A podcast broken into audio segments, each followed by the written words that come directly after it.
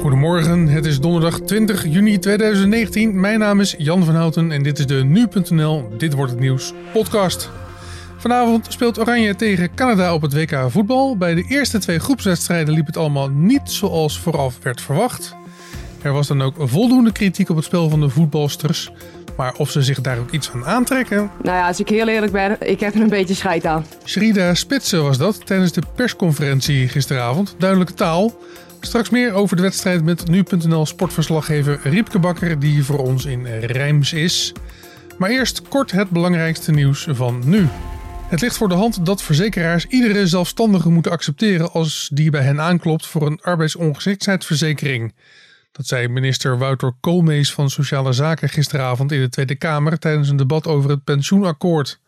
In dat akkoord staat dat ZZP'ers zich verplicht moeten verzekeren tegen arbeidsongeschiktheid.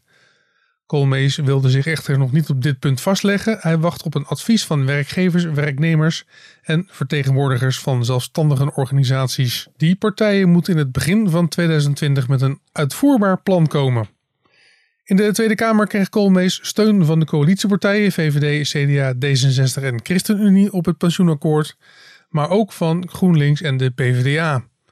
Deze laatste partijen zijn nodig om ook in de Eerste Kamer een meerderheid te krijgen.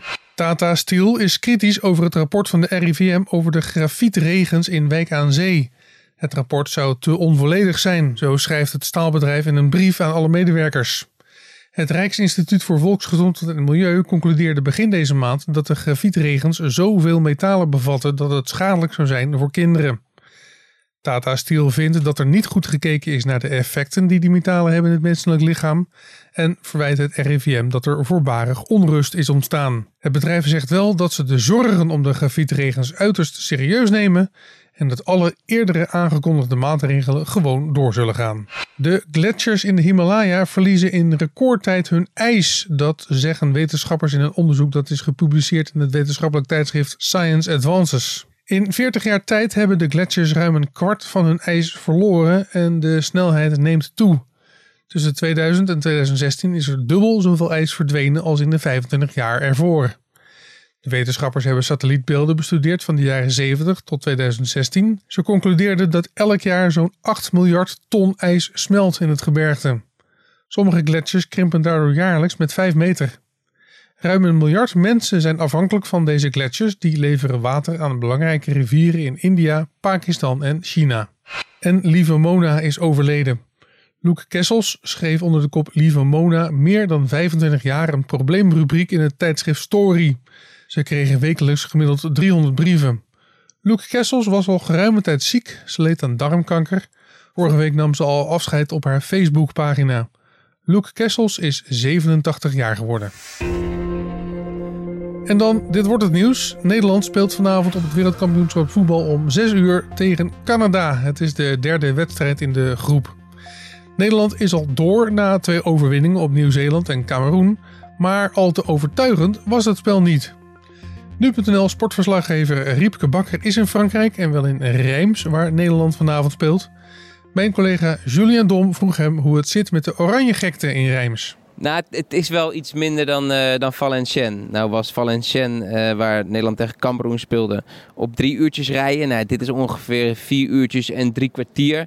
En dat komt, houdt uh, in de praktijk in dat er 6000 Nederlanders zijn hier in Rijms. En Valenciennes, toen waren het er 13.500. Dus het wordt wel een redelijk Nederlands sfeertje, maar de gekkigheid van, uh, van Valenciennes, uh, zo erg wordt het niet. Nou, laten we hopen dat die Nederlanders die er wel zijn in ieder geval goed van zich laten horen. Want Canada is een lastige tegenstander. Zeker als we naar het verleden kijken, dan spreken de statistieken en niet echt in ons voordeel, hè?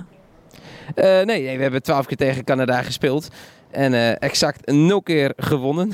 Negen keer uh, verloren en drie keer gelijk. En ja, Canada is uh, al jarenlang, al decennia lang, een van de grote voetballanden. Hè? Net als Duitsland, net als de Verenigde Staten. ze zijn de nummer vijf van de FIFA-ranking. Ze hebben Olympische medailles gewonnen in het verleden. Dus ja, zij, zij staan al jaren aan de top. En Nederland is ja, een nieuw kid in town. Die horen eigenlijk pas een jaartje of nou ja, twee bij de wereldtop. Oftewel, ja, dan zijn de statistieken uh, op dit moment nog niet in het voordeel van Nederland, nee. Hoe kijkt de coach dan naar zo'n wedstrijd? Ja, Nederland is al door. Ehm, dus in die zin staat er iets minder druk op. Canada is ook al door. Het gaat om de eerste plaats in de pool. Maar als je Sarina Wiegman bent, dan heb je wel nu even dat je hoopt dat het een keertje gaat draaien bij Oranje. Want uh, nou, ik sprak Serena Wiegman uh, voor het toernooi, net als veel speelsters voor het toernooi. Uh, en die zeiden van, ja, wij zijn beter dan twee jaar geleden. Wij zijn beter dan op het, op het EK. maar als je gewoon puur naar de wedstrijden kijkt, ja, dan was het niet heel erg goed wat Nederland liet zien. Sterker nog, de, ik ben de afgelopen twee jaar heb ik heel veel van het Nederlands elftal gezien. In, in Oslo geweest, in, in Zwitserland geweest. En zo slecht als de eerste helft tegen Cameroen heb ik het eigenlijk nog niet meegemaakt. Dus ja, het moet wel echt even beter tegen Canada. Wiegman zei daar zelf ook al iets over tijdens de persconferentie. Laten we daar even naar luisteren. Nou, um, qua resultaat uh, zou ik wel hetzelfde willen hebben als de eerste twee wedstrijden. Want dan, uh, dan winnen we. En daar gaat het uiteindelijk om. Uh, ik denk wel dat Canada ons meer in een structuur duwt. En dat we minder aan de bal zullen zijn en minder zullen domineren aan de bal. Dan tegen de andere twee tegenstanders. Wat we ook vinden dat we moeten doen. En natuurlijk willen we dat wel, maar ik denk dat de druk van uh, Canada hoger zal zijn en meer gestructureerd. Dus ik hoop dat wij daarmee ook meer in onze structuur komen. En dan om die groepsfase af te sluiten, Riepke, hoe belangrijk is die eerste plek dan eigenlijk?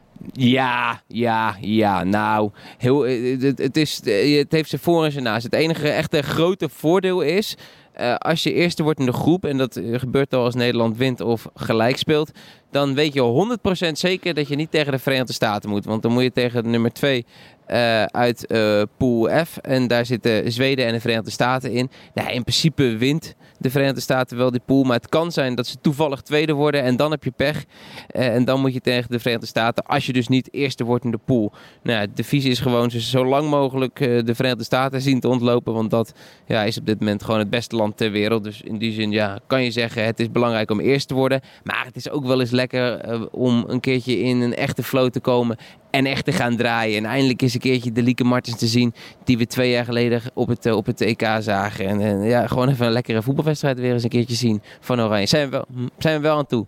Over die flow gesproken, um, ja, er zijn stemmen die stellen dat de bondscoach niet in haar sterkste elftal uh, is begonnen. En dan zou bijvoorbeeld Jill Roord een plek moeten krijgen, Merel van Dongen, Linette van Berenstein. Zit dat, ja, zit dat eraan te komen? Nou, uh, Wiegman is niet echt een, een, een, een coach die snel haar elftal op de schop gooit. Dat heeft ze ook aangekondigd eigenlijk net, dat ze niet uh, nou, de, de, de, hele boel om gaat gooien. Zei ze op de persconferentie. Maar het is wel zo, ja, als je het positief wil bekijken, dan uh, is Wiegman de, een heel goed wisselende bondscoach. Namelijk, de, de wissels zorgen er iedere keer voor dat Nederland beter gaat spelen. Als, als nou ja, vooral Van Dongen en Roort en ook Berenstein erin komen. Ja, je kan ook kritischer zijn en denken, waarom begin je nou eens een keertje met, uh, nou ja, in ieder geval Van Dongen in plaats van Van S en Roort erbij op het middenveld. Want ja, dan hoef je niet meer die wissels door te voeren. Dan, uh, dan uh, ja, begin je eigenlijk al in een sterke formatie. Maar dat gaat dus niet gebeuren als ik jou zo hoor. Nou, ze, ze kloppen wel op de deur. En ja, als ik het een beetje mag inschatten, ik vond, het, ik vond de woorden van Wiegman wel, wel mooi op de persconferentie. Die zei, de, uh, de invallers hebben het voortreffelijk gedaan. Dat vond, vond ik best een sterk woord. Ik dacht, nou, je neigt nu wel een beetje naar een van die invallers een keertje de kans te geven van vanaf het begin. Nou ja, als er dan eentje de kans gaat krijgen, dan is het uh, Merel van Dongen. Uh, waarom? Omdat ze het goed deed, maar ook omdat Kika van Es, die op dit moment de linksback is van Oranje, het echt heel erg slecht deed tegen Cameroen. En ook al onvoldoende was tegen Nieuw-Zeeland. Dus ik zou zeggen, ik denk eentje dat het Van Dongen wordt die de kans krijgt. Plus van de Gracht is nog altijd geblesseerd. Hè? Dat betekent dat Dekker centraal achterin staat. En van de Nederlandse spelers naar de Canadese spelers. Voor wie, voor wie moeten we daar echt uitkijken, Riepke? Uh, nou, dan noem ik een naampje. Kijk, we hebben natuurlijk allemaal hebben het over uh, Vivianne Miedema gehad de afgelopen week. Want Vivianne Miedema werd topscorer alle tijden van Oranje met 60 doelpunten. Nou, daar hebben ze in Canada denk ik uh, om, heel hard om gelachen. Ik denk dat ze misschien nog steeds wel onder de tafel liggen. Want zij hebben Christine Sinclair. En die heeft al 181 interland doelpunten achter haar naam. Oftewel, ja, dat is Miedema maal 3. Ze is wel al 36 en Miedema 22. Maar ja, dat is ja, de grote dame van het Canadese voetbal. Dat is een, een, een, een ster in, in, in Canada en een, een wereldster in het internationale voetbal. En daarvoor moet je uitkijken. Ja, en verder is het gewoon een heel ja, sterk, evenwichtig eh, elftal. Maar het grote voordeel is, ze gaan wel voetballen. Dus Nederland gaat eindelijk een keer een beetje ruimte krijgen. In plaats van tegen Nieuw-Zeeland en tegen Cameroen. Die gingen allemaal op de 16 hangen en zeggen... Nou, kom maar op en we gaan de boel dicht houden. En ja, dan is het gewoon lastig. Voetballen, vervelende wedstrijd. En nu tegen Canada, ja, die gaan ruimte weggeven. Die gaan aanvallen. En dan kan je als Nederland er hopelijk ook gewoon lekker overheen klappen. Ja, concluderend, het kan dus gebeuren, maar het moet ook gewoon gebeuren tegen Canada. Nou ja, uh, letterlijk gezien niet, want we zijn dat door. Dus, maar voor de moraal in het land en voor de, voor de feel good. Nou ja, we zijn nu wel een beetje toe aan, uh, aan een heel goed Oranje. En een beetje de kritiek een keertje laten verstommen. Want een deel van de Oranje speelsters zegt wel, Sherry de Spitsen, ik heb er scheid aan. Maar dat hebben ze allemaal niet. Nou, laat ze nou maar eens een keertje op het veld uh, afrekenen met uh, de kritiek. Riepke Bakker vanuit het Franse Rijms in gesprek met Julien Dom. Zoals gezegd begint de wedstrijd vanavond om 6 uur. Uitgebreid ook te volgen via een live blog op nu.nl. En die is ook prima te lezen terwijl je naar de wedstrijd kijkt. En dan verder in het nieuws vandaag. Zes leiders van de Europese Unie gaan deze ochtend in gesprek met elkaar over de verdeling van de topposities. De premiers van België, Spanje, Italië, Kroatië, Letland en Mark Rutte van Nederland vergaderen in Brussel over de poppetjes. Dat doen ze voorafgaand aan een tweedaagse top van de Europese Commissie. De president van Europa, Donald Tusk, wil vrijdag weten wie hem gaat opvolgen. Die keuze moet nog wel worden goedgekeurd door het Europese parlement. Vandaag verschijnt een 61-jarige man voor de rechter die ervan wordt verdacht dat hij Geert Wilders zou hebben bedreigd. De man werd op 9 maart gearresteerd in Heerlen vlak voor een verkiezingsevenement van Geert Wilders en zijn PVV. De man bleek een bijl en twee messen bij zich te dragen en was naar eigen zeggen op weg naar Wilders. En vandaag verschijnt een rapport over het containerschip dat op 2 januari een groot aantal containers verloor op zee.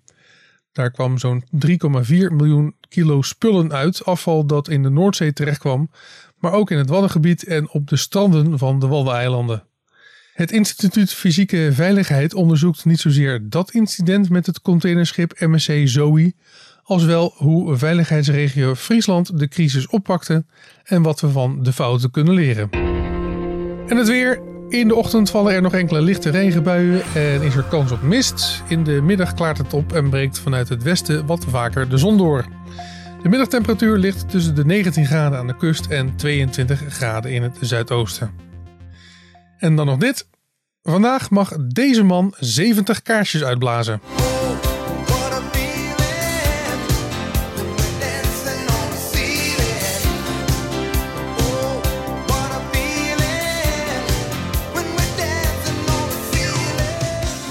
Lionel Richie wordt vandaag 70 jaar. De man die 25 hits had in Nederland. All Night Long, Hello en uiteraard deze, Dancing on the Ceiling.